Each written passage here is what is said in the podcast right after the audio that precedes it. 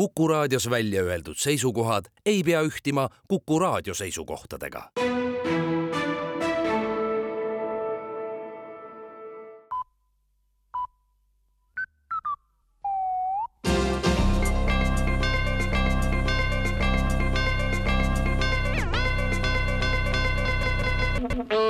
tere kuulama uudiseid stuudios Rohke Debelak kuna varastamine kauplustest aina sageneb ja samas ei ole poodidel ka palju võimalusi varaste ohjeldamiseks, keelatud on fotode ja videomaterjali avaldamine, mis paneks varga avalikku häbiposti, siis on poekütid välja töötamas e-varga platvormi. varas teeb endale e-varga konto ja saab rahulikult varastada kodust. nii ei pea varas minema poodi riskeerima, poed saavad kokku hoida turvateenuste ja kohtuprotsesside ja suurte trahvide pealt ja võidus on kõik kuna aeg on majanduslikus mõttes karm, siis on plaanis lubada, et e-varga platvormiga saavad ühineda ka poodide seni ausad kliendid, kellel lihtsalt aeg-ajalt tekib vajadus varastada e. e-poes tellimust täites saabki inimene valida, milliseid asju soovib klient soetada raha eest ja milliseid varastada siseministeeriumis on aga valmis saanud päästevõimekuse reguleerimise ja tagamise kava, et üha paremini toime tulla lisanduvate eelarvekärbete olukorras. seni on kutselistele päästjatele abiks olnud vabatahtlikud päästjad, aga kui koondada tuleb üha rohkem, siis minnakse vabatahtlikelt pritsimeestelt üle sunniviisilistele pritsimeestele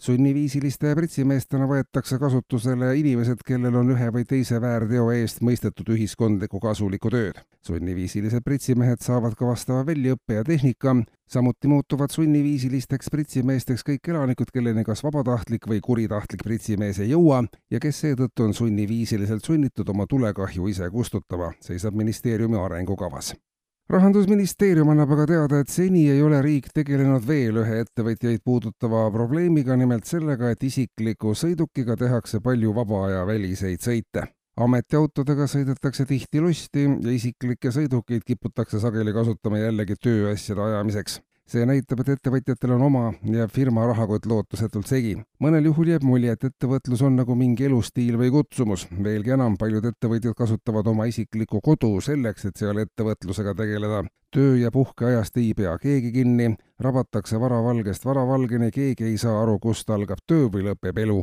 isikliku sõidukiga tehtud vaba aja välised ehk töösõidud tuleb maksustada ja nii väikeste sammudega tuua ka ettevõtjad normaalse inimese maailma tagasi, kus on oma koht tundide pikkusel teleri vaatamisel, looduses jalutamisel, mitmesuguste vaimselt arendavatel kursustel osalemine, nagu näiteks käbinäärme aktiveerimine müogravitatsioonilise koogamise abil, nii saavutatakse ka suurem sotsiaalne sidusus ja valitsuse maksude väljatöötamise keskus annab teada, et lisaks automaksule on plaanis kehtestada ka rämpstoidu söömise maks. ühekülgselt ja ebatervislikult toituvad inimesed on riigi rahakotile ja ka keskkonnale sama kahjulikud kui suure kütusekuluga sõidukid.